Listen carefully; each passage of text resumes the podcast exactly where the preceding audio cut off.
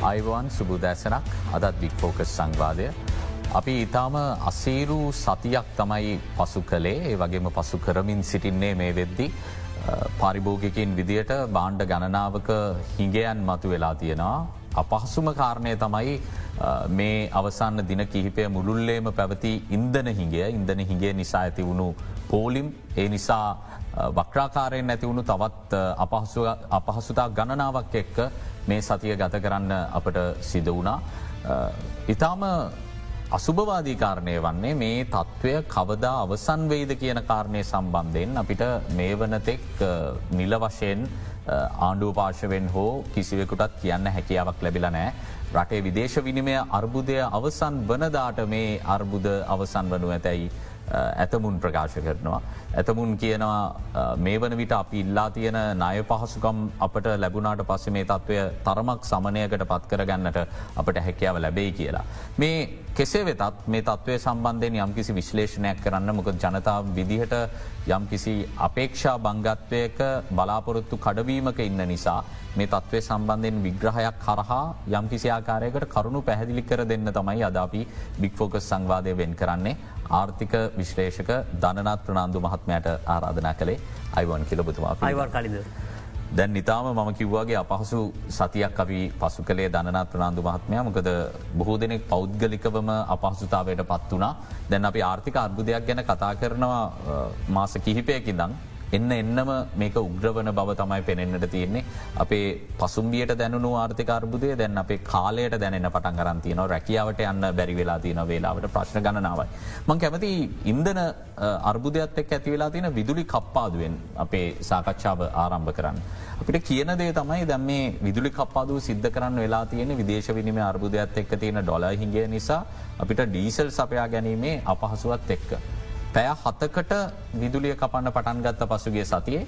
එ අනුව පෑ හතක් රටක විදුලි කප්පාදුවක් සිදුවීම හරහා. කර්මාන්තවලට රටේ ආර්ථිකයට ඒ හරහා මොන වගේ බලපෑමක් වෙයිද කියලා සාකච්ඡා කල් අපි පටන් ගමු. ඔව අනිවාරෙන්ම විශාල බලපෑමක් වෙනවා ශුද්‍රහා කුඩා පරිමාණවලට මං එතනින් පරිමාණ කර්මාන්තවලට. තාමත් මංහිතන්නේ විශාල කර්මාන්ත ශාලාවලට ජෙනරේටර් මගින් යම් කිසි ප්‍රමාණකට විදුලිය ලබා ගැනීමේ ලොක අපහසුවත් තින නමුත් අපිගේ නවම තරමෙන් බල්ප්ටික පත්තු කරගන්න පුළුවන්. නැමුත් අපි ගත්ත ඩීසල් සම්බන්ධය ප්‍රශ්නයක් ප්‍රශ්නයක් තියනවා. ඒගොලන්ට තමාරුවෙන් තමයි ඩීසල් හම්බේන කලින් දීපු ලීටර් ප්‍රමාණ නෙවෙයි දෙන්නේ. පොඩි ප්‍රමාණවලින් තමයි දෙන්නේ.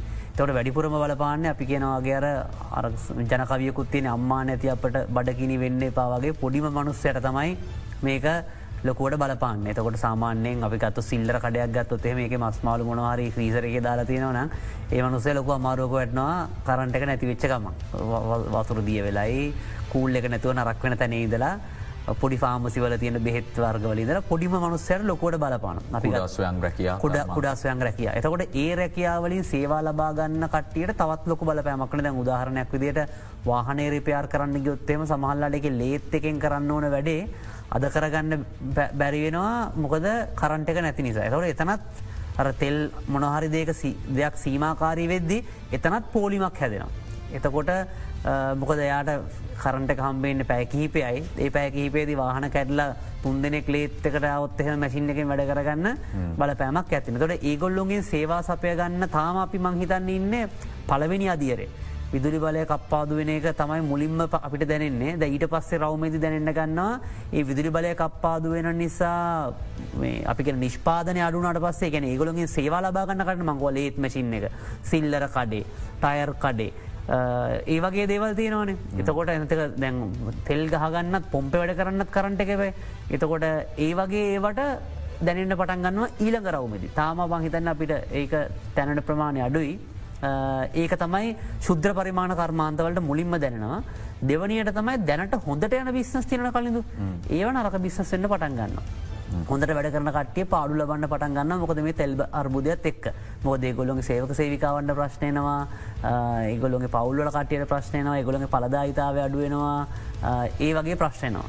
එතකොට හොඳට තියෙන ඒවත් ටිකක් අපහසු වෙන පටන් ගන්න දැනටමත් මං හිතන්න ටිකක් ඔය අපිගෙන FMCG සෙක්ට එක ප්‍රශ්නකට මුණ පාල තියෙනවා. රූපවාහනි නාලිකාවලට ප්‍රශ්නයක් ඇවිල්ල තියෙනවා. මොක දෙගොළුන්ගේ ඒ ප්‍රචාරණ කටයුතු සහ ඒ සනිවේදන කටයුතුවලට ලොකු ගැටලුවක් ඇවිල්ල තියෙනවා. එතකොට ඉන්ටනෙට් පාවිච්චිය සඳහා බලපෑමක් ඇතිවෙලා තියෙනවා.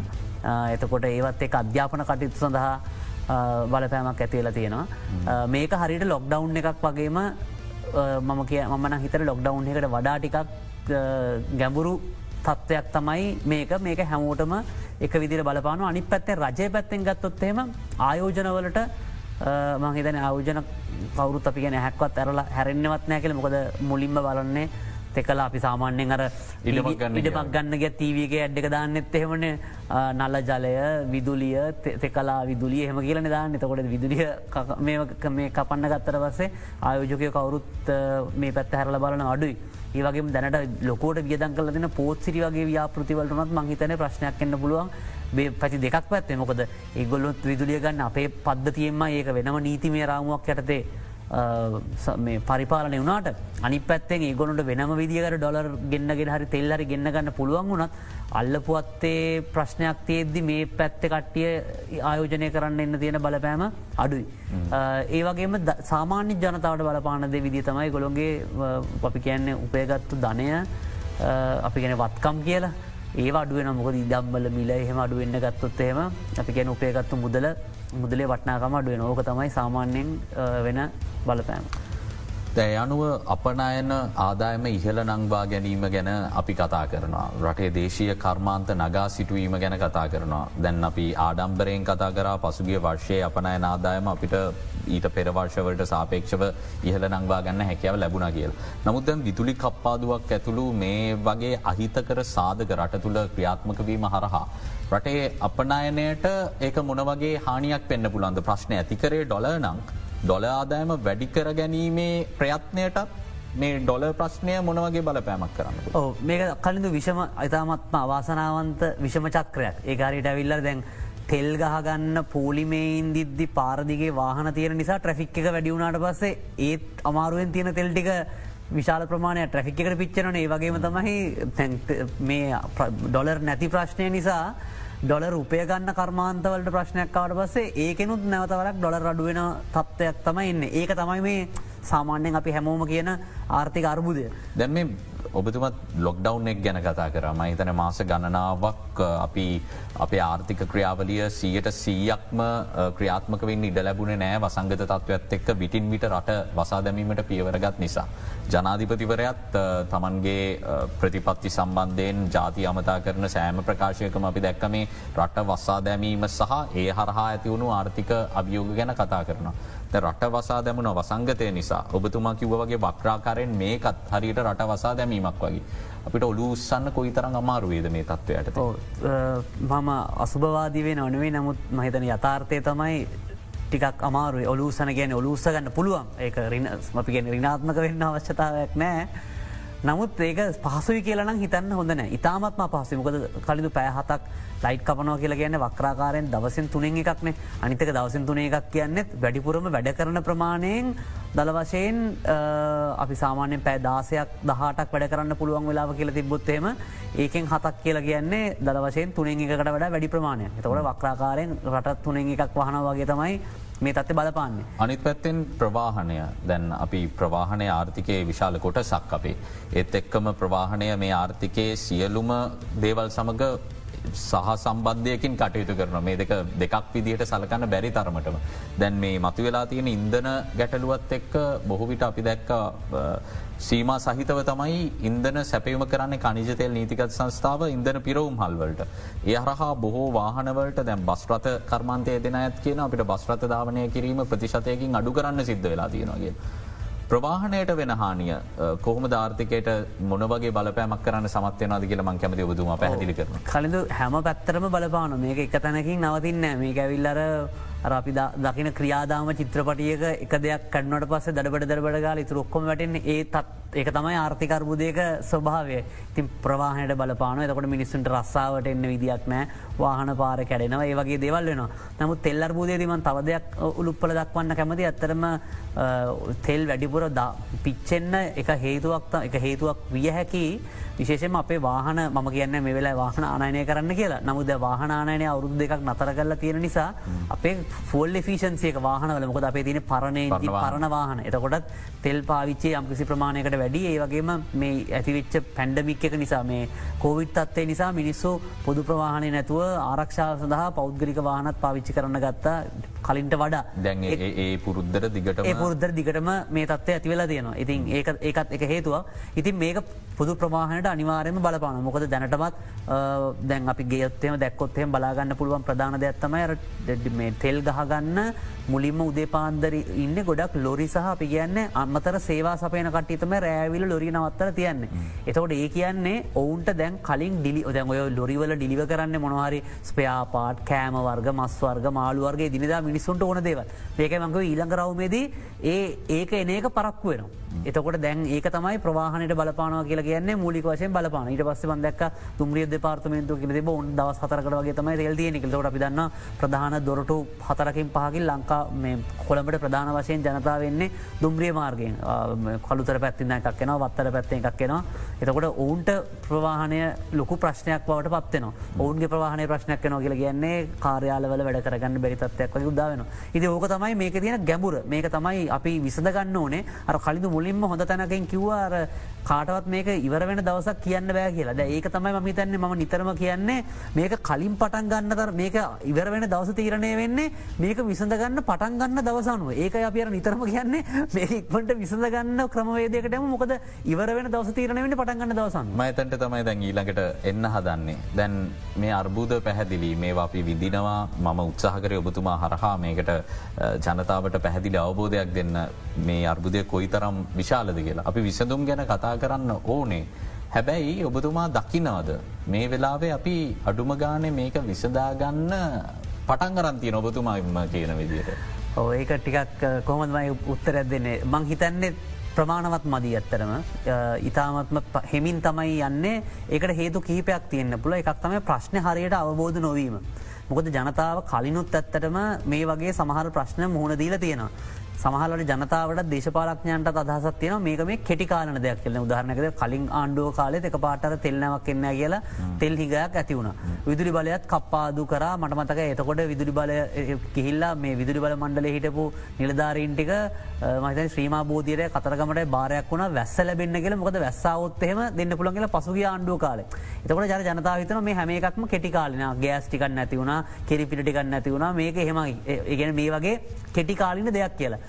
නමුත් මේක ඇවිල්ල එහෙම පොඩි ප්‍රශ්නයක් නිසා කෝඩිනේෂන් එර එකක් නත්ත ලෝක ඇති වෙච්ච ෂනික තත්වයක් නිසා ඇතිවන දෙයක් නෙවේ ජනතාවේ මීතුවට කමන්න පාලකයෝ තේර අන්න එක පාලකයොත් මං හිතන්න උන්ටත් මේ ගැන අවබෝධය මද. මේ ප්‍රශ්නය ගැඹුර පිළිබඳව. අනිත්තක මහිතන බොහෝ දෙනෙක් පාලකයෝගේ පැත්තෙන් හිතන්ගෙන ණය අපේ රටාරගෙන තියෙන ණය ගෙවාගෙන යනවා කියන්නේ ආර්ථිකර්බුදයක් නැහැ කියන වගේ තත්වයක් ණයගෙවීමත් අනිවාරය ඒක ගෙවනත්තන් තව ප්‍රශ්නයක් කෙනවා නමුත් ඒකම නෙවෙයි එකම සාධක ආර්ථිකර්බුදයක් මනින් දැම්ම අපි ඉන්න ඇත්තරම අර්බුදේ තාම අපි අර්බුදයට කේන්ද්‍රයට සේන්දු වෙමින් ඉන්න මේක ඇත්තරම ඇඩ්බොකාට එකම කරපු මේ අපි දෙදස් ගොඩක් කාලකිනම් මේ අර්බුදය ගැන කිව්වේ දෙදස් විස්සේ. සැප්තැම්බරල හාවඩ විශ්වවිද්‍යාලය මහාචාරවරකට පහචාර රිකාඩෝ හවස්මන් කියල. එතුම වෙනිසුවෙලාවේ ඉඳලා හාවඩ විශ්වවිද්‍යාල උගණගේ මහාචාරය වෙනිසුවෙලා මේ වගේ ප්‍රශ්න ගොඩකද කතා කල තියෙන. එතුමා මේක කිව්වා ආර්ථික අර්බුදයක් එන්න කොහොමද කියල එතුම ඉංග්‍රීසියෙන් මේ කිවේ. Slowly and suddenly. හෙමින් සහයක පාරටම. දැන් එතකොට පසුගිය කාලෙත් කවුරුත් එච්චර හිතුවෙන පුද්ගලිකාංශය ව්‍යාපාරත් හිතුව නෑ ප්‍රශ්නයක් නෑ මේක හෙමින් යනන මොකද ප්‍රශ්නය මිනිසු ගෙදන් කරන්න සුපමාකටලකිල් බඩුගන්න පෝත් සිටිය පාටිදානවා යකින්ද මේක ප්‍රශ්නයක් නෑවගේ කියලා හිතුන.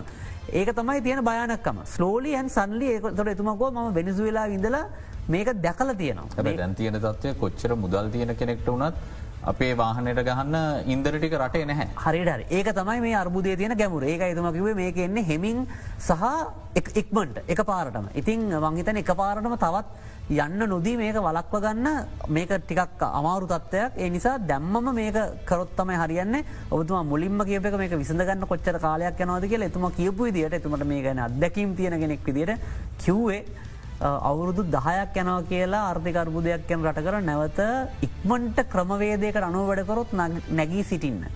මොකද මේකින් වෙන බලපෑමෙන් නැවත එලියට එන එක අමාරු නිසා. ග්‍රීසිය මේකට වුණා ය වෙනසු වෙලා වුණ උන්ට තාමෙලියට එන්න බැරුණා.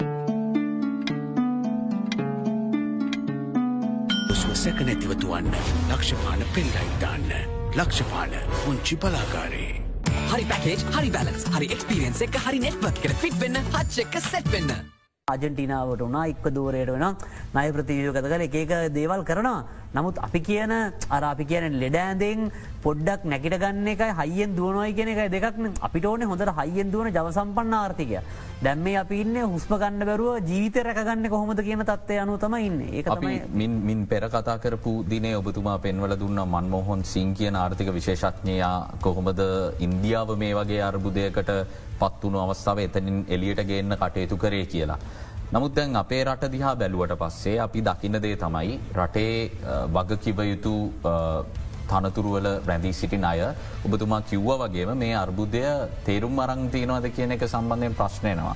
හේතුව හරිම පරස්පරයි. ආණ්ඩුව පාර්ශවයනුත් අපිට කියන කතන්දර ඇතමුන් කියන රටේ ඩොලාර්බුදයක් නැහැ කියලා. ඇතමුන් කියන බලගන්න මේ කටේනර් කොච්චර එලියට යනවද? ඇයගොල්ල හන්න හිරවෙලා තියන කටේනර් ගැන විතරක් කියලා. තවත් ඇමතිවරෙක් ඇවෙල තියෙන රට විශාල ඩොලාර්බුදයකින්න අපිට හෙට අනිද වෙද්දී ඉන්ද නිහිගයක් කියන මේ විදිට තව ඇමති කෙනෙක් කියනවා. ඉට පස්සේ මේ සම්බන්ධයෙන් සියල්ලටම හැකියාව තියෙන මුදල් අමාත්‍යවරය වෙනම කතාවක් මේ දේවල් වලින් පරිබාහිරව කියන. අපිට අඩුම ගානේ ආණ්ඩුවට එක් වැඩ පිළිවෙලක්පත් නෑ කියලා නෙමේද අපි මේ නිරීක්ෂණය කරන්න. ආණ්ඩුවමන් හිතන්නේ කිසියම් නිශ්ිත වැඩ පිළිවකට එන්න අවශ්‍ය අනිවාරයම අර්බුදෙන් ගොඩෙන්න්න මේකට තව මේ වෙලාවේ සාකච්ඡාවක් තියෙනවා අඩුම ගානේ පාර්ශව කීපයක් එකතු වෙලා මොනවාරේ කෙටි කාලයකට මොනහරි කොමන් ප්‍රෝග්‍රෑම් එකට එකඟ වෙල වැඩ කරමු කියලා. මොකද මේ අර්බුදය ඇවිල්ලා මේ ආණ්ඩුවේ කාණ්ඩුවක ප්‍රශ්නයක් නෙමේ අවුරදු ගාන කාපයක් නමුත් අවුරදු ගාන කාපයක් කියන එක මේක බරාපි අඩු කරන්න හොඳ නෑමක ලොකු ප්‍රශ්නයක්. ඒ නිසා අඩුමතරට පවතින ගැටලුවට විසඳුම් සැවීමේ වගකීම පවතින ආණ්ඩුවට පැවරෙන අනිවාරම පැවරන ඒ නිසා තනියම කරගන්න අමාරුණ. ජනතාවගේ විරෝධය අඩු කරගන්න අපි දෙතුන් ගොල්ලොම එකතු වෙලා හරි. නමුත්තර කැඳහැලියක් කරගන්න නෙවෙයි. අඩුම ගානේ මෙන්න මේ ප්‍රතිසංස්කරන ටිකවි කරනවා කියල එකඟ වෙන්න ඕන කියල්. නමුත් ඔබතුමා කිව්ව වගේ එහෙම බැඩසටහනක් ගැන ප්‍රතිසංස් කරන ගියරගේ නෙවෙයි අපි යන්න. අපි තාම මේ අර එදිනදා එදාවේල පිරිමහගන්න ක්‍රමයක් තමයි මටත් පේන්න තියෙන්න්න නම් ප්‍රතිසංස් කරනවලට යායුති නමුත් පරලවගන්න නැේ ප්‍රතිසංස් කරන කියලා කියන්නේ අයිF එකට යෑම හෝ නය ප්‍රතිවියහගත කිරීම නෙවේ ප්‍රතිසංස් කරන කියලා කියන්න ආර්ථිකය මර කලින් වතාවදිත් කිව වගේ ගෙදර සම්පූර්ණයෙන් ආකිටෙක්ට කියල මේක හරියට ග්‍රෝ නිර්මාණ ශිල්පයට කියල මේක විද්‍යානකූලව බලය බෙදිලයන තැන්ගනුව මේක හදාගන්න ඕන. ඒක තමයි ප්‍රතිසංස් කරන කියල. හෙමනතු මේ චුට්ටක් වෙනටකින් ඩොල ටික කිල්ල ගත්තා. අයිF එකට ගියා. අපිනාය පොඩ්ඩක් ප්‍රතිවියෝකත කර. ඒ ඔක්කොම ඇවිල්ල මේ ලොකු ගමනක පොඩිපොඩි සන්ධස්ථාන නමුත් මේ ඇවිල්ල මහ පරිමාණයෙන් මේ ගැන ගැබරින් බලන්න ඕන කියෙන තමයි මගේ අදහස. නමුත් බුතුමා කිව්ව වගේ ආණ්ඩු පක්ෂය වගේ විපක්ෂයනුත්මට එහෙම දෙයක් පේන්න නෑ අවාසනාවකට වගේ අඩුමගානමක සමහලට විපක් ඕනම ප්‍රජාතන්ත්‍රවාදී ක්‍රමයකර පොඩ පොඩිකාල කොලාවස ඉගෙනගනිද කියනවන්නේ ශක්තිමත් විපක්ෂයක් අවශ්‍යයි. වෙන හේතුවක් නිසානවේ නිසි පාර මෙන්න ඔගොල්ලොට මේක කරගන්න බරන මෙන්න විකල්පේ මේක තමයි කරන්න අවශ්‍ය කියලා. ඔවුන්මං හිතන තැනින්තන දේවල් කිව්වට එක බොහම දේශපාලනික කෝනයකින් තම එන්නේ. එහමනතු නිශ්චිත ක්‍රමවේදයක් අවාසනාවකට වගේ මට පෙන්න විපක්ෂයඉන්න පක්ෂවලින් ඕනුත් මහිතන පොඩිපොඩි ප්‍රතිසංස් කරනසා යෝජන ඉදිරිපත් කල තිබුණට ඒවයි බොහෝ වෙලාවට දේශපාලන පින්සල් පාර තැවරලා තියෙනවා විනා කෝනයකින් කෝනයකින් දකිල තියෙනවා විනා මේක ආර්ථිකමය වශයෙන් ලොකු පුනර්ජීවනයක් කරන්න අවශ්‍ය දේවල් තිබෙන නමුත් සමර සාධනය යෝජනය හැමේකම තිබුණ. නමුත් පමහිතන්නේ මේ කවිල්ලා කිවගේ යෝජනාවක් වුණත් නිකම් මේ චූටි දෙයක් කල්ලා ගොඩදාගන්න පුළුවන් ප්‍රශ්නයක් නෙවේ සාමාන්‍ය භාසාවෙන් කියනවා. විශාල ප්‍රතිසංස්කරණයකට අපි යායුතුයි කියන කාරණය අපි මීට කලින් සිදුකරපු සාකච්ඡාවලත් අවධාරණය කරලා තියෙන. නමුත් මේ කොයි තරම් කතා කළත් වෙන බවක් පෙනෙන්න්නට නෑ යයි අභාග්‍ය මේ මොහොතේදී අපි තවදුරටත් කතා කරන්න දේවල් තියෙනවා ඊට පෙර විරාමයක් ලබා.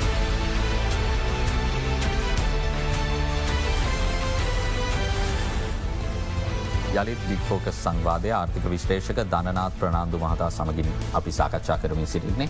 දැන් මේ ඩොලරේ අගය කියන කාරණය සම්බන්ධයෙන් මේ විද්දි විශාල කතිකාවතක් තියෙනවා යෝජනා ඉදිරිපත් වෙමින් තියෙනවා මේක රුපියල් දෙසීයයි කියලා අපි අගයක් දීඩා අල්ලගෙන සිටීම අපි අද මුහුණ දෙන මේ ගැටලු ගණනාවකට හේතු වෙලා තියෙනවා කියලා. ඔබතුමා කොහොමද මේ විදේශ විනිමය අගය සම්බන්ධයෙන් දකින්නේ. මේක අපි පාවෙන්න ඉඩ දෙන්න කියලා තියෙන යෝජනාව ඔබතුමා හිතනවද මේ වෙලාවේ සුදුසුයි කියලා සිදු කිරීම.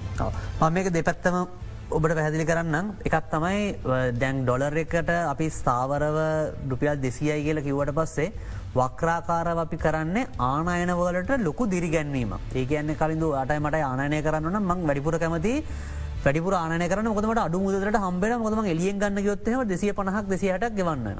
ඒවගේම අපනයනකරුවන්න නැත්තන් අප ඩොලර් එන කට්ටියව විශාල වශයෙන් අදයිරට පත් කල තින ඔයම අපනයනය කරනවන අපිට ඩොලර් හම්බුණම අපි කවදාවත්තවිල අපේ බැංකු පද්ධතියට දෙන්න නැහැ මොකද අපිට හම්බවෙන්නේ සියට විස්සක් විසිපහක් අඩුවෙන් මුදල. එතකොට විනිම අනුපාතය අල්ලං ඉන්න එකේ බලපෑම ඕකතමයි. ආනායන වැඩි කරනවා අපනයන අඩු කරනවා. ඒක නිසා තමයි එතකොට දැන් අත්තරමක ෆලෝට් කරොත් එහෙම අත් අපි කියන පාකොරොත් එහෙම අන්න අගේ ඉහලයන අපනයනකරු හිතනවා දැන් හොදාගයක් කම්බෙන මං මේකට අක්ගාල සල්ලිටි කරංගාවත්තේ මට වාසී නැත්තන් දැන් තියන් ඉන්න එක තේරුමක් නෑ කියල.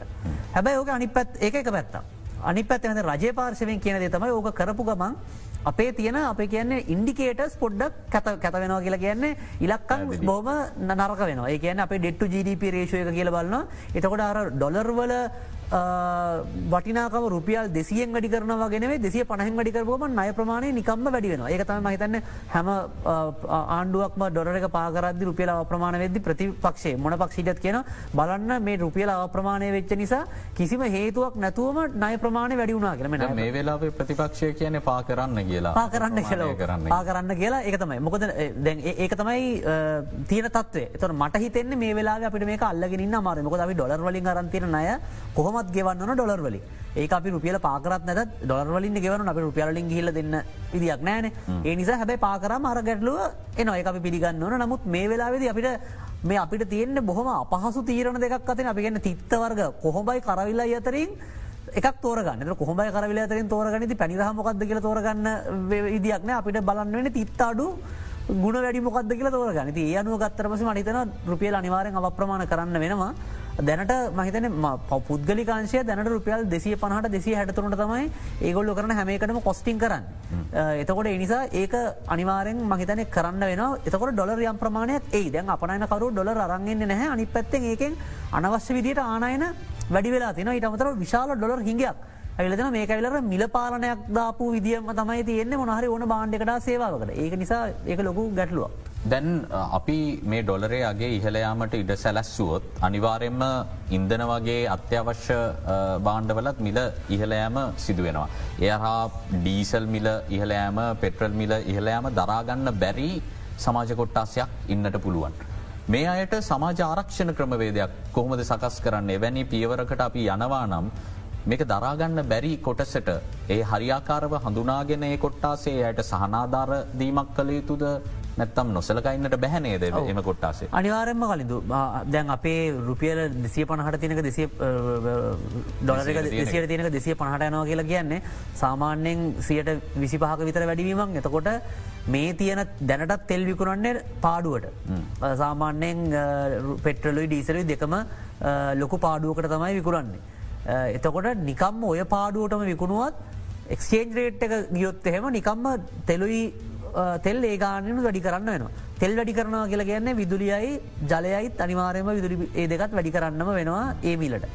එතකොට කලින් දවවා ගස්සු ප්‍රවාණ ගස්සු ඔක්කොම වැඩි හරමිල ගැන හැම දෙයක්ම හැබැයි නමුත් අපි මතකතියාගන්න ඕනේ මහිතන ජනතාව දන්නවත් දන්න තෙල්වල වැඩිපුරම තෙල් එකන අපේ තෙල් පරිභෝජනයෙන් සියට හැත්තෑවක් පාවිච්චි කරන්න සමාජය සාර්ල භාසාාව වන ඇති හැකි අය.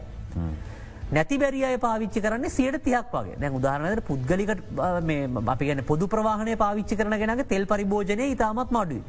අපි සාමාන්‍ය භාසායෙන් කරන වීට එකක් හරි පාවිච්චි කරන කෙනට සාපක්ෂ මොකද ඒ වාහනේ තෙල් ලීටරේගෙන් දුවන කිලෝමීට්‍ර තුනක් හතර අපි සරලවගයන් තෙල් කියලා. තෙල් බොනවගල පිටිපස තෙල් බවසරය කරන්න එතකට ඇත්තන අපි තෙල්මිල අඩු කරලා තියෙනයගෙන් අර ඇති හැකි කෙනට විශාල සහනාධාරයක් වක්්‍රාකාර ලබා දෙනවා. බස් එකේ තෙරපිල එන කෙනගේ තෙල් පරිභෝජන ඉතාමඩුව මොකද ඒවිල බස් එක එක හතලියක් පණහක් ඇවිල තෙරපිලා ආවත් තෙල්මිල වැඩියුණම හැබැයි ඒ ආහාර හැමකට බලපන වැඩිවීමක් වෙනවා.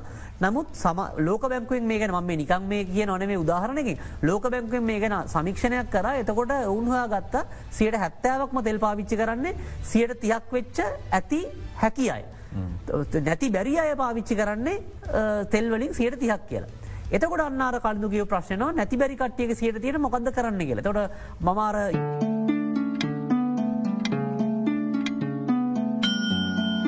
ෆෙක්සල් හයිජන් බෝස්ටර්ස් නොපෙනෙන විෂපීච මට්ටුයි පෙනෙන පැල්ලම් ඔට්ටුයි.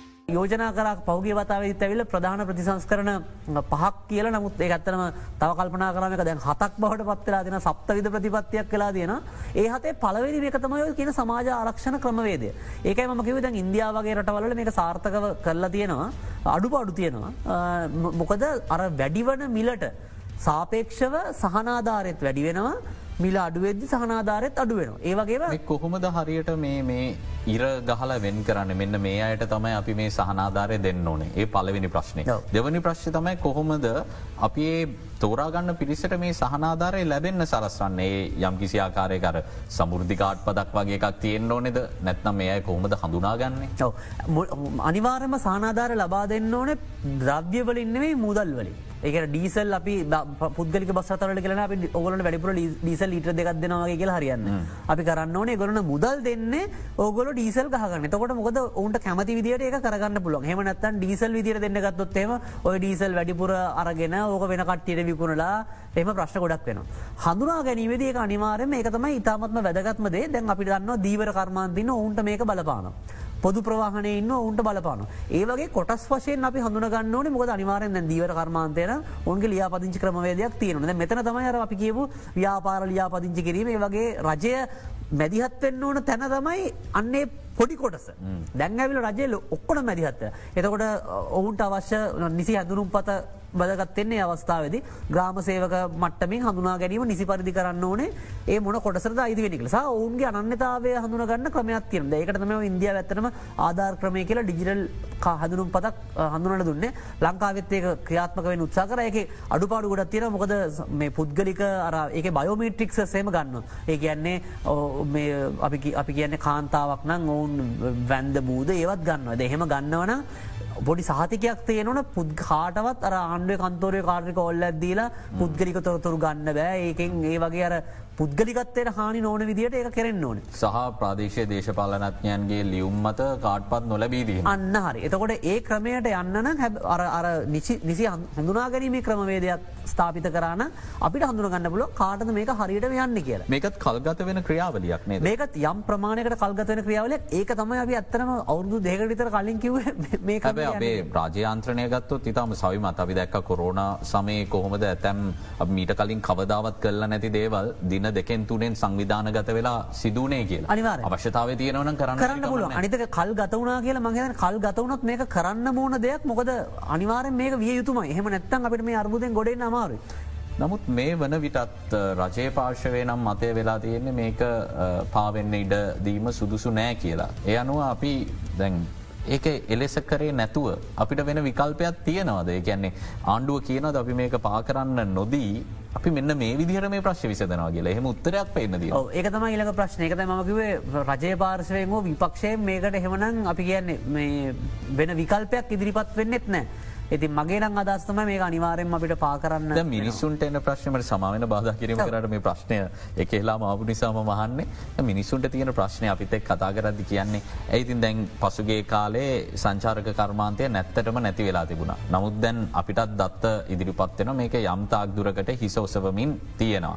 අපි සමාජය දැක්කත් විදේශකින් වීදිවල සැරිසරනෝ දකිනට ලැබෙන එක ඉතාම සතුටට කාරණයක්. තොට අපනයන ආදායම වැඩි වුණා කියලා කියනවා. එතකට දැම් මේ ඩොල උපයන ක්‍රමවේද නැවතත් සක්‍රිය වෙමින් තිබුණාට මෙන්න මේ දෙසියට අල්ලං ඉන්දීම කියන එක නේද? මේ සියල්ලට බාධ වෙලා තියෙන මේ ඩොල ප්‍රමාණය රට තුළට නිල වශයෙන් ගලා එන්නට. අනිවාර එන්නව සංචාර කර්මාන්තය ගැන මං ඉක්මනින්ම පැහැදිලි කරන්න දැන් මට එක අවස්ථාවක් හම්මුණා සංචාරකය දන්නවා ලංකාවේ අනිවාර ඉන්ට්‍රේට් එක බලන්නේ මේ ඩොලර් ප්‍රශ්නයක් තියෙනවා කියලා. සමහර අවස්ථා වාර්තාවල තිබ සංචාරකයෝ ඔවුන් කෙලින්ම ඩොලර් විදිටම සල්ලි අරගෙන නවා. අරක නැවිල් අතන අප යාපෝට් එකේ තියෙන බංක කවන්ටරෙන් රුපියල් දෙසිය තුන ගාන මාරු කරන්න. මොකද උන්දන්න එලියේ ඊට වඩා දෙනවා කිය ඉන්ට්‍රේට් එක බලාගන්න තට ඔන්ගේල එලියෙන් දෙසිය හතලට දෙසිය පනහට මේක මාරු කරගන්න. මාරු කරගන රුපියල් වලින් වියදන් කරල ඉවර වෙලා ඉතුරුවෙන් රුපියල්ටිකත් තිබොත්තේම ඒ අරන්ගෙනවා බැංකුව කවන්ටරේ මොද බැංකුවෙන් ඩොලර දෙන්න දෙසියට. එතකට ඇත්තරම ඒ වගේ වාර්තා වෙලා තිබුණ සමහර අවස්ථාවල. විදේශකයනුත් යම්තාක් දුරකට ලාභයක් උපයන අපේ තියන අපේ තියන ඒක ඇවිල්ල වෙලා තියන්න අර ඩොලර එක තියාගත්ත මරට මෙහැවිල්ල ගතකරු චාරිකාවට අවශ්‍ය මුදල හොයාගෙන යන්න පුල අනිවාරෙන් එතකොට ඒක නිසා තමයි මහදැකුව මංගේතන්න අර නීතියක් දැම්මේ මේ හෝටල්වල එහෙම අනිවාරෙන්ම ඩොලර් වලින් තමයි පේමන්ට එක මේක නීතිවලින් කරන්න පුළුවන් ඒති ගොඩක් දැක්කම් අපි අන්තිමටගේ ප්‍රේෂණවලට නීති දැම්ම තර්ජනය කරන අපි දැක්ක මේ මොකද මුදල් විශුද්ධි කරන පනතයටතේ කටයුතු කරනවා කියලා මේ වේතනය එවන මනුස්්‍යයට අහිංසක මනුස්්‍යයට හැබැයිතින් විසදිලා නෑ. ප්‍රේෂණ මේ මාසගත්තොත් මහිතන වසර ගණනාවකට පසු අඩුම වාර්තාව අපි කියවන්න. ඒකතම කල මත් නිතරම කියන දෙයක්ත්තම මේක නීතිදාලා එහෙම අපි කියන්න අරපේ බාසාාවෙන් ගෙන තගදාල ගන්නවා කියලා. එහෙම කල්ල මේ ප්‍රශ්න විසඳන්න බෑ. මේකර වෙළඳ පොල යාන්ත්‍රණයට ක්‍රියාත්මක වෙන්න ඉඩ දෙන්න ඕන. එහෙම උනාට පස නිකම්ම මිනිස්සු ඒ සිිස්ටම් එකට එනවා. අනිතක තකොට හොරකං වංජාද සංචාරකෙක්ුණ තරේ අපහසුතාවයක් මේ මනුස්සයත් පත්වෙන නිකං වස ඩොල්ටියක් කරන්න ඇවිල්ල එක එලියම් මාරු කරගෙන ඒම ප්‍රශ්න ගොඩ සහතර මැදියන් අතර මැදියන් ඉන්නවා. ඔය දැන් ගොම කටනාග පතර ගයොත්තෙම ඩොලර බිස්සක ලොකුවට යනවා. ඉතින් ඒක සම්පූර්ණ අනවශ්‍යද? අනිත්තක තම අපි සංචාරක කර්මාන්තයද ලොකු මංහිතන මිස්කල්කිවලේෂණයක් කර. ඒ තමයි අපි සාමාන්‍යෙන් හොඳට සංචාර කර්මාන්තිබ දස් දහට පාස්කු ප්‍රහරයට කලින් බිලියන හතර දශම පහක් විතරම ඇස්තමේන්තු කත කල තිබ දැම බිලියන හතර දශම ඇස්තුමේන්තු කත කරට කලින්ඳ බොහෝ දෙනෙක් හිතන්නේ නෑ මේ සංචාරකය ආවහම මේක මේක යම් කිසි මුදල් ප්‍රමාණයක් එන ප්‍රමාණය වගේ යන ප්‍රමාණයකුත් තියෙනවා කියලා මොකද මේ සංචාරකයෝ ආවහම ඔවුන් දන්න කොළමිදර දමුල්ලට ගයොත්තේම අනිවාරෙන් තෙල් ගහනවා කියලා කියන ආනායන විදිර මේකෙන් යනවා. ඔවුන් බොන වයින් වර්ග විදේශය මත් පැන් වර්ග සහ ඉතුරු හැමදේකම ලොකු ඉම්පෝට් කම්පෝනට එකත් තියනවා මේ ආනයන ප්‍රමාණයක් තියනවා. එතකොට විදුලිය පරිභෝජනය සාරක කර්මාන්තය සඳහාම අපිට ආනයනය කරන්න දෙවල් තිය අනිවාර්ම ආනය කරන්න දෙවල් තින එතකොට අපේ ගණනය කිරීමනු සාමාන්‍යයෙන් ඩොලර් සීයක් සංචාරක කරගෙනවන ඩොලර් තව පණහක් විතර නැවතවරක් ආනයන විදිර වෙනවා මොකද භාගයයි අපට ඉතුරු භාගය ඉතුරු වෙන්න. ඒ එක අනි පාලනය කරන්න බැරිද? නෑ පාලනය කරනගෙන අපිට සංචාරක වැඩිපුර ගන්න ගත්තොත් අනිව ඒක තේරුම සංචාරකයෝ ගන්නන්න එපා. මේ ඒක ඒවන අනිවාරෙන් ඒ යම්කිසි මුදලක් අපිට ලැබෙනවා.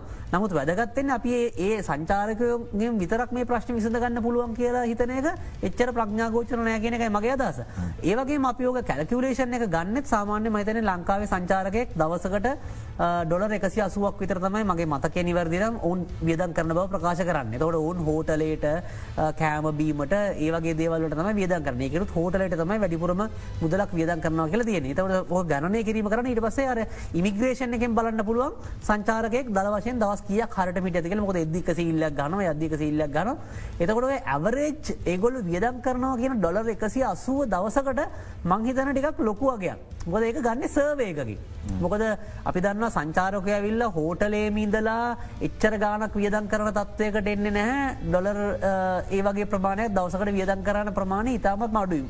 එතකොට ඒක මංහිතන්න ඒක අපි පොඩි මිස්කල්කලේෂණයක් කරන මේක හරියටම එන ප්‍රමාණය ගන්නවා කියෙන තරමක අධිවටිනාගමක් ගනම් බලාති අනිවාරම අධිවටනාගම ගනම් බල තියෙනවා කියෙනකතම මගේ නඟ දස අනිතක මතක තියන්න සංචාර කර්මාන්ති කරන හරිම සංවේදී කර්මාන්ත නැ උදාහරණයක් වෙදිර පසුගිය ජනවාරි පෙබරවාරි මාසවල් වල ලංකාවට වැඩිපුරම සංචාරකය ආපු ප්‍රධාන රටවල් දෙකක් තමයි රුසියාවසා යුක්්‍රේණය දැන් එතකොට එතන පොඩි ප්‍රශ්නයක් කලා දෙන කලින් පාර සංචාර කර්මාන්තිව පාස්කු ප්‍රහාරගේ අපි සම්පූර්ණයම බින්දුවට වැටන කෝවිත් එතකට අපි අපිට නිතරම පේන දැත්ත මේ සංචාරක කර්මාන්තය ඉතාමත්ම සංවේදී. හොඳ කාල තියන නමුත් ලෝක මොනහරි ප්‍රශ්නයක් ඇතිවුණත් සංචාරක කර්මාන්තයට මුලින් එක බලපාන. ඉතින් ඒක නිසා මතම රඳා පව මේක හොඳ දෙයක්. නමුත් අපි හිතුවොත්තේම සංචාරකම විල් අපිව මේ අප සාමාන්‍ය බසක සසරෙන් ගතර කරය වගේ කිය හිතුවොත්තේම අපිට කවදාවත් මේ ප්‍රශ්නයෙන් ලියටෙන් හම් වෙන්න.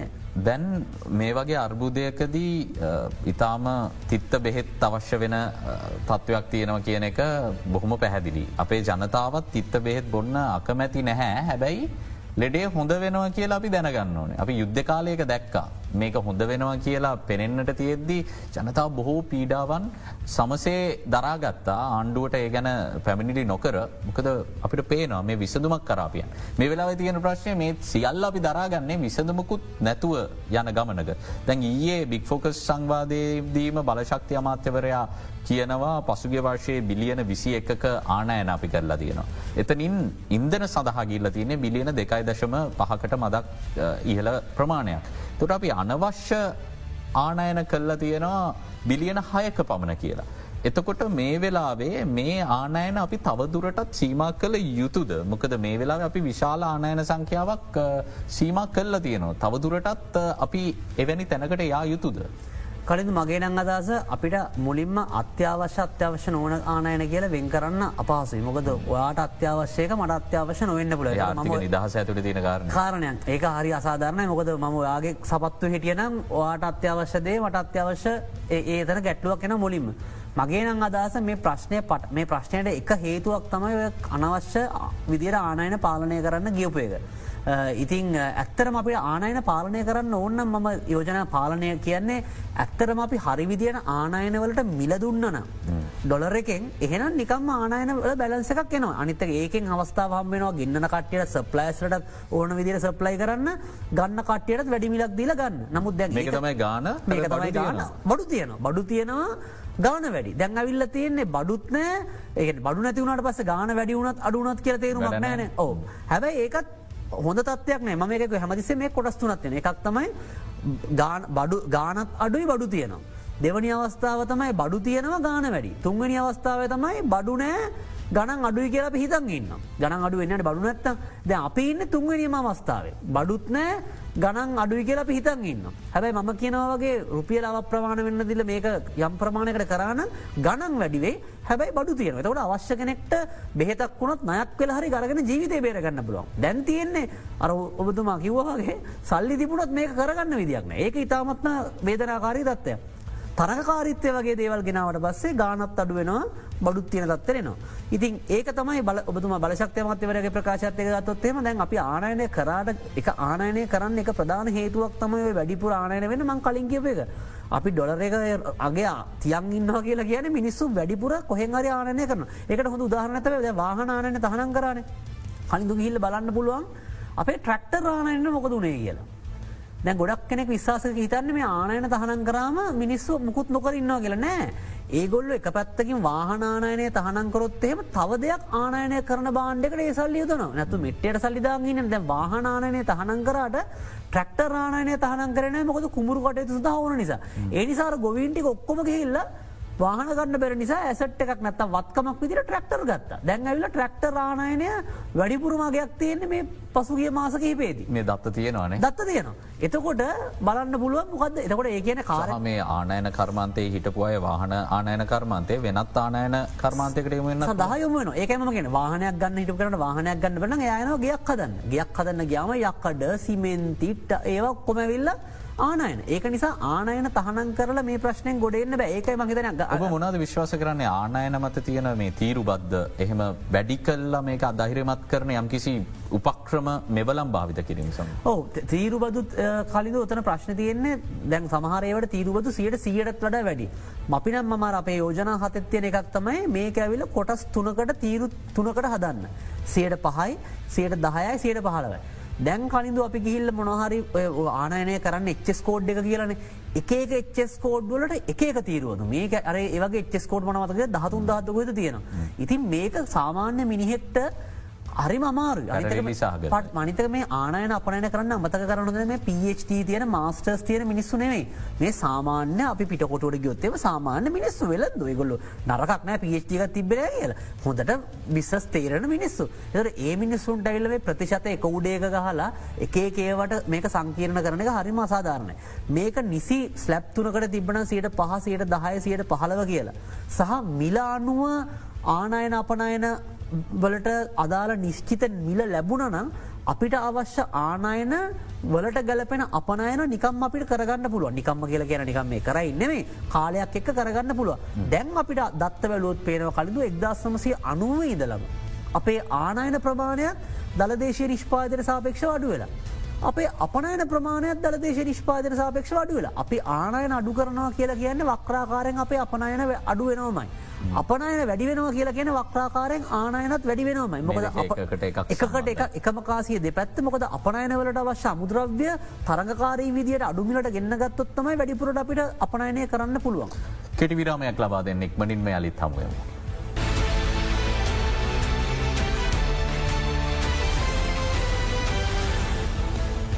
දනත් ප්‍රනාාන්දු මහත්මයා අපි අවසාන වශයෙන් සාරංශගතව යෝජනාවක් ඉදිරිපත් කරනවා නම් මේ වෙලාවේ මේ පවතින අර්බුදවලට එක පිට එක එන අර්බුදවලට විසදුම් සොයන්න අපි පටන්ගන්න ඕනේ දීර්ඝකාලීන ප්‍රතිසංස් කරන ගැන ඔබතුමා මතයක් දරනවා ඒ මතය අපි අවස්ථා කිහිපයකදිම කියලා දයනවා. මගේ මේ ප්‍රශ්නය කෙටිකාලීන යෝජනාවක් මේ වෙලාවේ අපි මේක විසඳගන්න ඕනේ පාරට අවතීරණ වෙන්න ඕනේ මොකක් කරලා දිස්සල්ලම.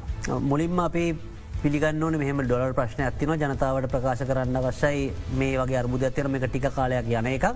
නමුත් මෙන්න මේ ප්‍රතිසස් කරන අපි කරන්න බලාපොරොත්වන කියලා මුලින්ම කරන්න අවශ්‍යයි. ඊට අමතර ම හිතන්න අපේ අපිට අපේ අපිට සමීප රටවල් වලින් ඉන්දියාව චීනය ජපානය වගේ රටවලින් අපිට ඉල්ලන්න පුළුවන්. අපි මෙන්න මේ ප්‍රතිසංස්කරටික කරන්න යනවා. ඒ කාලය ඇතුළතදී අපිට ඉන්දනසා අත්‍යවශ්‍ය බාණ්ඩ සඳ අවශ්‍ය ඩොලර් පහසුකම යම් ප්‍රමාණයකට ලබා දෙන්න කියල. එතකොට ආරාපි කියපු මේ ප්‍රශ්නටික යම් කිසි ප්‍රමාණයකට සමනය වෙන තොට ජනතාවර නැවත අපනයනය කරන්න අවශ්‍ය විසඳුම ලැබෙනවා. ඒක තම හිතට කෙටිකාලීනව කරන්න පුල පලමිනිදේ මොකද මගේ දරම හැට දැන් ඒ රටවලුත් එච්චර කැමතින ආධාර මුදලත් දෙන්න. මොකද අපි කරන්න මොකක්ද කියලා? අපිවත් දන්න කවරුවත් දන්න බැංකුවක් කරි නයක් දෙන්න න කරන්න මොකක්ද කියලාහන්න අන්න එක එතකොට එවුණුත් දැන් ඇත්තරම අපි විශේෂෙන් අපිට ආධරල බදින ලෝක බැංකුව යුරෝපානු සංගමය ඒගොල්ලොත් එවුන්ගේ ආධාර කපල තියෙනවා මොකද මොකද කරන්නෙක් දන්න ඒක තම ම හිතන්න යෝජනාවක් විදිර මුලින්ම කරන එක. දෙවනි එක තමයි මම යෝජනා කරන්නේ මේක තනි පක්ෂයක් වගකීම ගන්න අමාරුනම්. අහල බලන් ඉතුරු පක්ෂවලින් ම කියන්න ජාතිකාණ්ඩුව දේශපාල කතාවන්න නමුත් මේකට සහයෝගය ගන්න අවශ්‍යන එකගතාවයකට එන්න පක්ෂ දෙක තුන අතර ප්‍රතිසංස් කරනවට මේ ඇවිල් ඇමතිකම් කියක් බෙදනවද කියන එකට වඩා මෙන්න මේ තුන අපි අරාපි කලන් කතා කරම දුප්පත් මිනිස්සුන්ට සහනාධාර ලබා ගැනීමේ මෙන්න මේ ක්‍රමවේදය ටපි එකඟ වෙමු. මේකට දැගන්නවන හැම දේශපාලන පක්ෂයම මැතිවරණ කාර්යාලවල කට්ටි ඉන්න තර අඳුරගන්න මේ ක්‍රමේ පහසුයි. ඒ නිසා ඒ ක්‍රමයට අපි එකඟවෙමු බදු සම්බන්ධයෙන් අපි එකඟවෙමු රාජ්‍ය ව්‍යාපාර ප්‍රතිසංස්කරණය පිළිබඳව අපි එකඟවමු. ඒ වගේ අවම කොමන් ප්‍රෝග්‍රෑම් එකකට එකඟ වෙන්න කිසියම් කාලරාමක් ඇතුළතදී. අවුරුද්දක් ඇතුළතද අපි මෙන්න මේ වටිකට සහයෝගේ ලබා දෙනවා කියලා. එතකොට ප්‍රතිසංස්කරටික කරගන්න ලේසි. පාර්ලිමෙන්තුවේ අවශ්‍ය පනත් සම්මත කරගෙන කරගන්න ලේසි. බැති ආණ්ඩුව ගත්ත තුනෙන් දෙකක් තියෙනවා. තුනෙන් දෙකක් තියෙන කරගන්න ප්‍රශ්නයන්න එකතම ඒක නිසා ඒක තමයි ඔවුන්ට දේශපාලන මේ වශයෙන් ම ගෙනර තමන් මේ ඔක්කොම් ප්‍රසස් කරන තමන්ම කරන්න ගත්තර වසේ අපි නිගන් අපි සෞත්වය වගේ කියල දසක් කෙනවන ඒක නිසා ඕක තම ම යෝජනා කරන ප්‍රධාන කොටස් දෙක. ඊට පස්ස ම හිතන දැම් තත්වය කලින්ඳ මංගේදන ණය ප්‍රතිවියෝගත කිරීමක් අවශ්‍යතාවය ඒකන ඒක දැන් මගනු හැර බැරිතත්වයක් වගේ තත්වයකටම විලති ඒකර අපේ තියෙන ප්‍රධාන හත ඒකක් නමුත් ඒකට කරනවට කලින් අර ප්‍රතිසංස්කරනටිකට අක්ගාල කරගත්තනම් අපිට මහිතන ඒ සම්බන්ධය සාකච්ඡාවක් ඇති කරගන්න පුළුව ඔය තුන තමයි ම හිතන්නේ අපිට අවශ්‍ය. ඉති මේ වෙලාව අපේ උමනවට වඩා යාළුවන්ම අපි ගැන ඔවුන් පහසතාවට පත් කරන්න හොඳන දැන්වෙන්න අපි නිතරම ගහිල්ල අපේ අපේ චෙස් බෝඩ් අපට ඉත්ත දෙන්න ඉන්න අදින්න. එක වෙලා චීනි පැත්තර දින අනි පැතර ඉන්දයා පැත්තර දින සෙල්ලඩු වෙච්චකම තැ ඔවුනුත් පොඩ්ඩම් මට හිතර පස්ස ගහන කියල මේ හරිකරදරයක් මේ හැමදෑමෙනවා යාලුව වුණත් කියලා. ඉද යාලුකම පළුදු කරගන්න නැතුව මේ වෙලාවේ වැඩසරනක් ගිල්ල අනේ අපි මේක කරන්න ඉන්න මෙන්න මේ කෙටිකාරන අවුරුද්ධකට අපිට කරුණාගල්ලම අපිට මූලික අත්‍යවශ්‍ය ආහාරටික සහ ඉන්දන සඳහා යම් කිසි ක්‍රඩිට්ලා ඉන්න එකක් දෙන්න ඒක මේ ප්‍රතිසංස්කර ටික කරලා මේටිකෙන් ගොඩ එන්නම් කරන තම අපිට ඉතාමත්ම කඩිනමින් කරන්න පුළුවන්දේ. ඔබට තේරෙන ඇති අර්බුදේ බරපතලකම අපි මොන වගේ තත්ත්වයක ඉන්න මේකට විසදුම් සෙවීම කොයි තරම් අපහසුද කියලා. නමුත් විසදුම් තියෙන විසදුම් නැති අර්බුද ලෝකයේ නැහැ. ඒ නිසා මේ අවස්ථාවේදී මේ සිදු කරන යෝජනා ඒ සම්බන්ධයෙන් සංශෝධන අවශ්‍යන සංශෝධන සහිතව හරි ගමන්න. ඒ සම්බන්ධයෙන් කටයුතු කරනවා දැකීම තමයි අපි සියලු දෙනාගේ අරමුණ. මේ වන විට තියෙන අභාග්‍ය සම්පන්න තත්ත්වය තමයි මේ සම්බන්ධයෙන් වැඩ පිළිවෙලක නිශ්ෂිත තිරසාර වැඩ පිළිවෙලක ඉදිරියට යනවා ජනතා විදිහට අපිට දකින්නට නොමැතිවීම. දෙවින්ම ස්තුතිවන්තය ඔබතුමාට ජනතාවට සුපුරුදු විදිහටම සරලව මේ තියෙන තත්ත්වය පැහැදිලි කලාට. මොකද ජනතා විදිහට බලාපොරොත්තු කඩකර ගැනීම සිදු නොකළ යුතුයි මේ මොහොත ඉතාම අපහසු මොහොතක් බව අපි සියලුම දෙනා පිළිගන්නවා. නමුත් මේ මොහොතේදී අපි සියලුම දෙනාම යළි අලිත් අපි වෙනුවෙන් තීරණ ගන්නයට පීඩනයක් හෝ එල්ල කරමු මේ ප්‍රශ්නවලට ඉක්මනින්ම විසදුම් සොයා දෙන්නට කියලා. අපි අදට බික්‍ෆෝකස් සංවාධයෙන් සමුගෙන යනවා හෙටත් සුපුරුදු වේලාවට හමුවමු ඔබට සුපදිනයක්.